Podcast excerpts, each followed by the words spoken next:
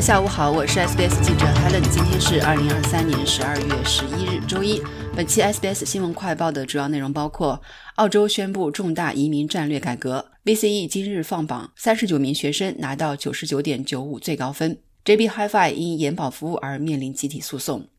作为周一宣布的移民改革的一部分，政府对国际学生签证进行了一系列改革。从明年初开始，学生签证和临时毕业生签证的英语语言要求将有所提高。政府表示，这一变化将提高学生在澳接受教育的质量，并减少工作场所剥削的可能性。内政部长克莱尔·奥尼尔表示，有证据表明英语语言技能是决定留学生成功与否的关键因素。改革之后，申请毕业生签证的人需要在国际英语语言测试系统及雅思的考试中达到六点五分，原标准为六点零分；而申请学生签证的人需要达到六点零分，高于原来的五点五分的要求。审查报告称，这将提高学生毕业后能够获得的工作质量，而目前的制度令留学生往往从事远远低于其技能水平的工作。这份报告发现，只有三分之一的留学生最终从事与其技能水平相当的工作，而国内毕业生的这一比例为四分之三。半数以上的人从事最低的两个技能等级工作。国际硕士毕业生的年薪中位数比同等水平的国内毕业生要低三万多澳元。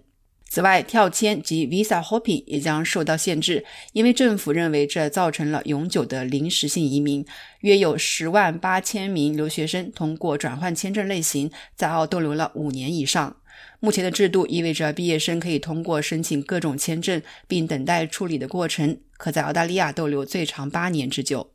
在截至今年九月的一年中，澳大利亚净移民人数将达到约五十万人，创下历史新高。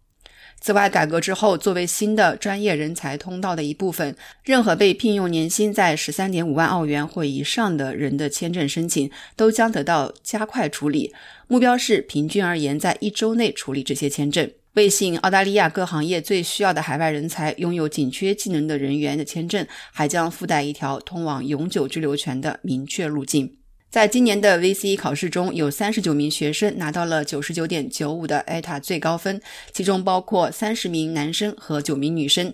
据目前已知信息，这三十九名学生中有五名来自于 Scotch College，四名来自 Penley and Essendon Grammar School。此外，Melbourne Grammar School 和 Melbourne High School 也分别有三名学生拿到九十九点九五分。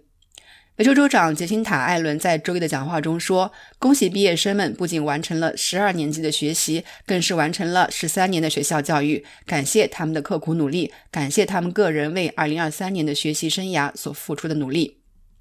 目前有客户对 JB Hi-Fi 发起了集体诉讼，指控这家电子产品和电器零售商所提供的延保服务几乎没有价值。Morris Blackburn 律师事务所正在为2011年1月1号至2023年12月8号期间从 JB Hi-Fi 购买延保的数十万澳大利亚人寻求赔偿。诉讼称，这些保修基本上没有价值，因为根据澳大利亚消费者法，客户已经免费享有这些权利。该律所的首席律师米兰达·纳吉说：“这是一起具有里程碑意义的案件，可能会对其他零售商产生影响。”好了，感谢收听本期 SBS 新闻快报，在任何播客平台搜索“新闻快报”，点击订阅，开启消息提醒，即可了解澳洲国内外新闻及社区信息。